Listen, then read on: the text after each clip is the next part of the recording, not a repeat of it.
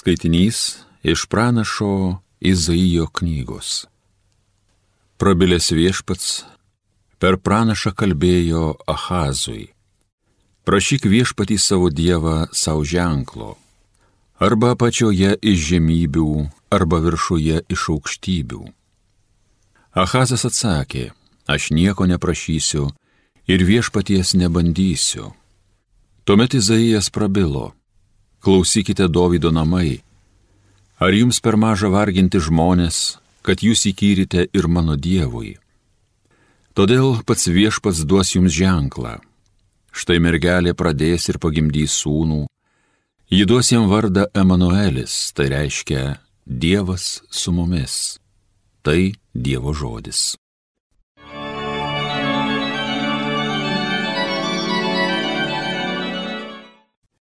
Tai žengia čia viešpats, jis garbingas valdovas.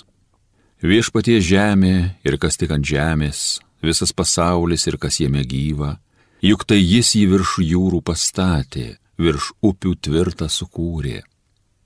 Tai žengia čia viešpats, jis garbingas valdovas.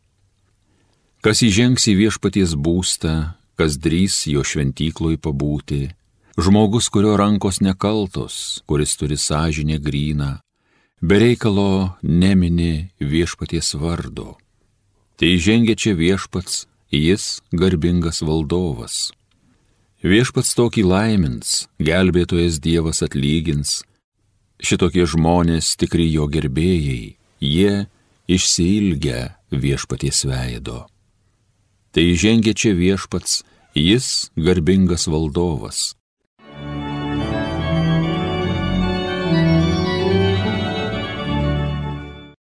Antrasis skaitinys iš Šventojo Paštalo Pauliaus laiško romiečiams. Paulius Jėzaus Kristaus tarnas, pašauktasis apaštalas, išskirtas kelbti gerąją Dievo naujieną, kurią Dievas buvo iš anksto pažadėjęs per savo pranašus šventuosiuose raštuose. O jie kalba apie jo sūnų kūnų kilusi iš Davido giminės, šventumo dvasia ir prisikėlimu iš numirusių pristatyta Dievo sūnomis su didžia gale Jėzų Kristų mūsų viešpatį. Per jį esame gavę malonę ir apaštalo tarnystę, kad jo garbiai skleistume tikėjimo klusnumą visose pagonių tautose. Jų tarpe ir jūs esate Jėzaus Kristaus pašaukti. Visiems Dievo mylimiesiems esantiems Romoje, pašauktiems šventiesiems, te būna jums malonė bei ramybė nuo mūsų tėvo, Dievo ir viešpaties Jėzaus Kristaus.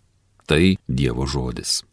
Alleluja, alleluja, alleluja. Štai mergelė pagimdys sūnų ir jis vadinsis Emanuelis, Dievas su mumis.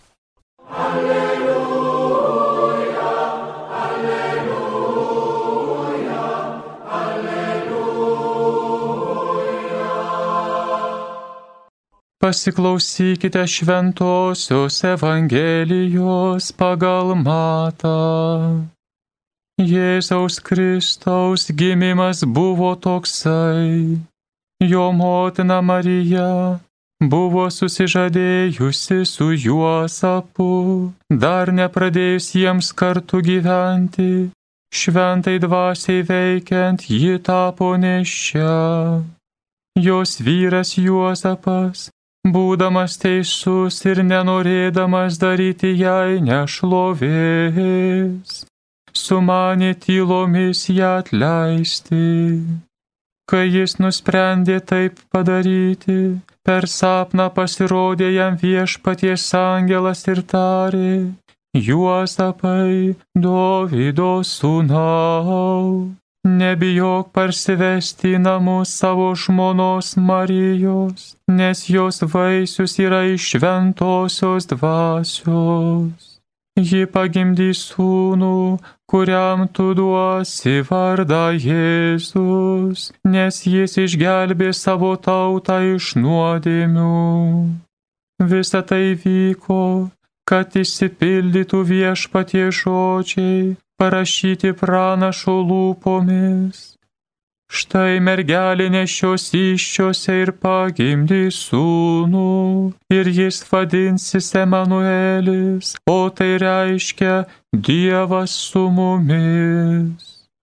Atsikėlęs Juozapas padarė taip, kaip viešpaties angelo buvo įsakyta, ir parsivedė žmoną pas save girdėjote viešpatie žodį.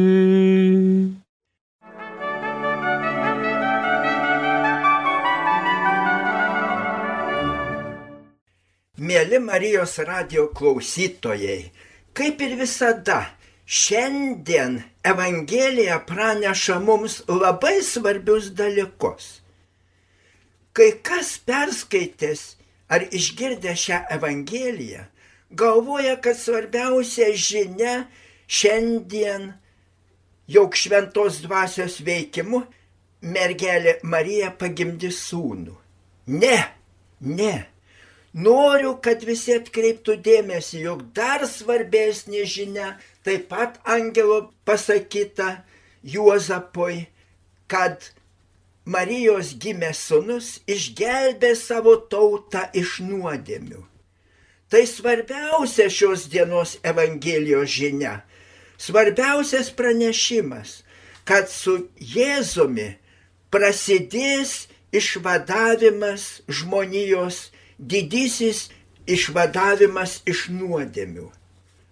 Tuo kūdikiu mergelė Marija pasauliui padovanoja naują pradžią.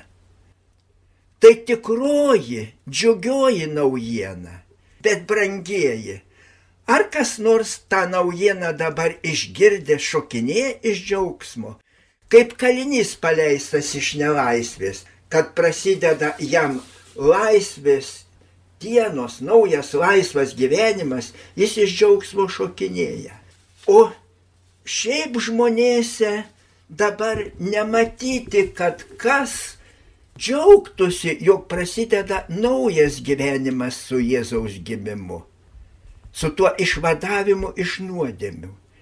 Vietoj to daugeliui artėjanti Jėzaus gimimo šventė tai tik proga vis daugiau pirkti, vis daugiau reklamuoti prekes, vis daugiau puoštis, to troškimo, to veržymosi išsivaduoti iš nuodėmių daugelį beveik negalima pastebėti.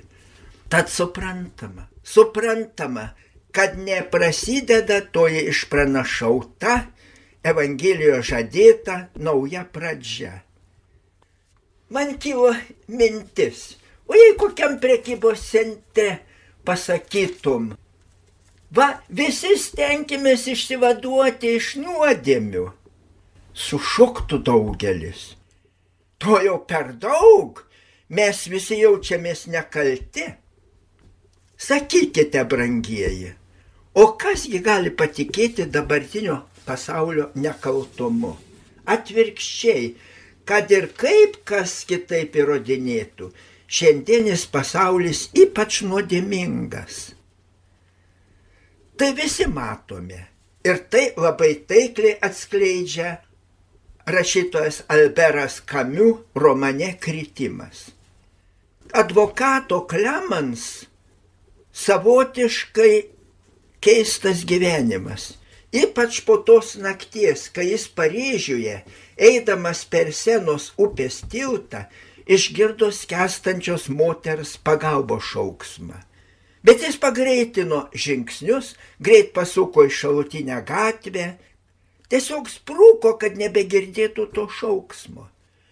Bet dabar nebegali nuo to šauksmo pabėgti. Simboliška, kad jo vardas Klemens reiškia šaukiantis. Kai jis eina, būdamas advokato per teismo salę, staiga sustoja. Jam yra ima rodytis, kad už nugaros girdi mergaičių juoką. Todėl jis pabėgo iš Paryžiaus į Amsterdamą vis tas pats ir ten. Eina pas laisvo elgesio moteris ir pas vargšus su labdara. Viską išbando, kad nurimtų. bet niekas nepadeda. Vis tas pats. Jis nori užmiršti savo kaltę, žiūrėdamas į jį, nieko nepastebėtum, bet jo dvasia šaukte šaukia atleidimo ir nuteisinimo. O kaip rasti tą nuteisinimą? Negalima juk nušaukti atgal į praeitį, negalima užmušti dvasios nerimo. Atleidimo nėra. Nėra nieko, kas galėtų tai jam pasakyti. Jo dienos baisios, jo gyvenimas tai pragaras ir negali, niekaip negali jis iš to išsigelbėti. Taip rašytojas vaizduoja dabartinę visuomenę, visą dabartinę žmoniją. Šaukia toji dabartinė žmonija, dvasia šaukia, bet pati užsidengia burną, kad niekas negirdėtų to šauksmo. Kaltę galima paslėpti, bet jos negalima pašalinti. Tūkstančiais pavydavų išsiveržia. Kartais tai gyvenimo krizės, skirybos, nesutarimai, piktumai, kitais kartais infarktas. Taigi tiesiog dažnai atrodo, kad organizmas nebeatlaiko beprasmio gyvenimo. Esu sutikęs žmonių, kurie sugalvoja visokias linksmybės. Svaiginasi alkoholiu, narkotikais, kitaip dirbtinai kelia džiaugsmą. Ir tai priveda jų gyvenimą prie nesąmonių.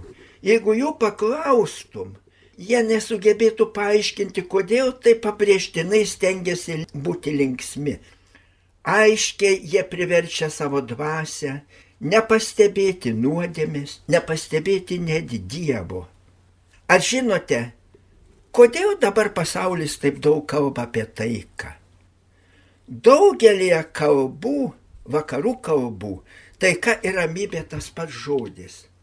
Pasaulis niekaip neberanda nei taikos, nei ramybės. Negi pasaulis visada turi gyventi tokioje pragariškoje atmosferoje. Reikia, reikia išsivaduoti iš nuodėmių, pradėti kitaip gyventi. Bet kaip tai padaryti? ko tik žmogus neprisigalvoja. Kai kas prisigalvoja net lyti pakeisti, ne tik gyvenimą. Kartais net atrodo, kad žmogus bando kaip Münchhausenas už plaukų save iš pelkės ištraukti. Ne, ne, savo jėgomis niekas negali tapti nekaltu ir pradėti naują gyvenimą. Te reikia įsiklausyti į Dievo mokymą į Evangeliją ir joje išgirsti gerąją naujieną. Nuodėmėse, taip nuodėmėse Dievas žada mums naują gyvenimą. Žada išsivadavimą iš nuodėmių.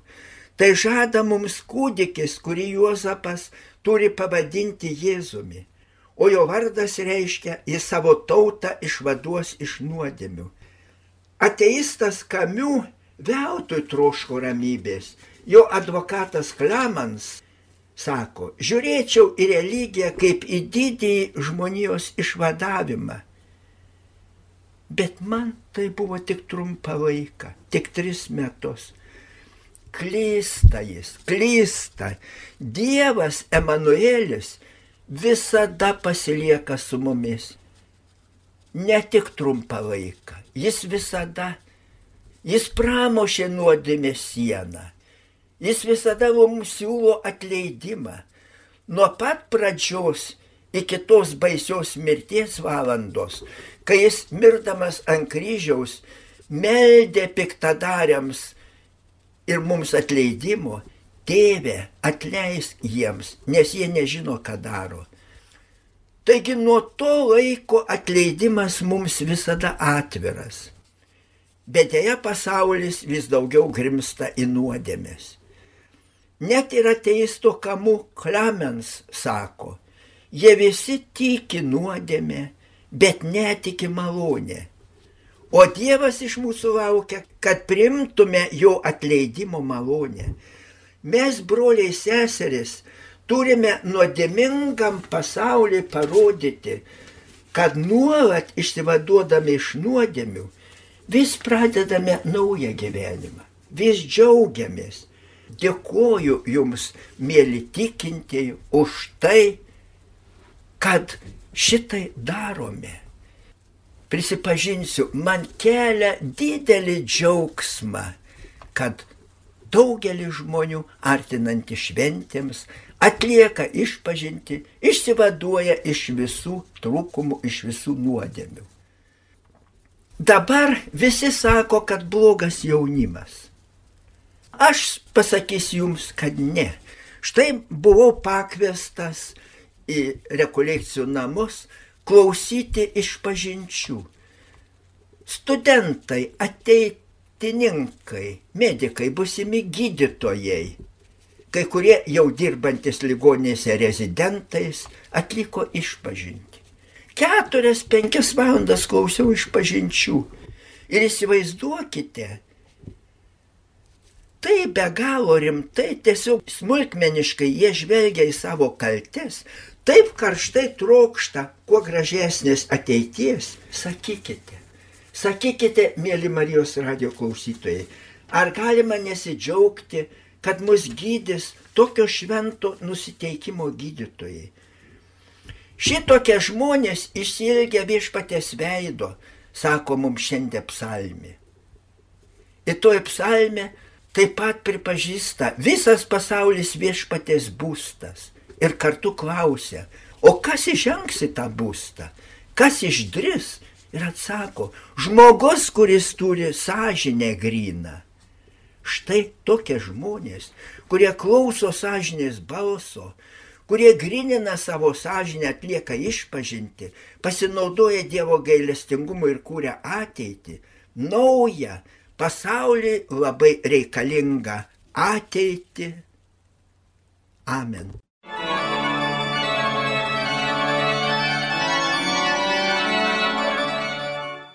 Evangeliją gėdojo kunigas daktaras Vilius Sikorskas. Homilyje sakė panevižio vyskupas emeritas Jonas Kauneckas.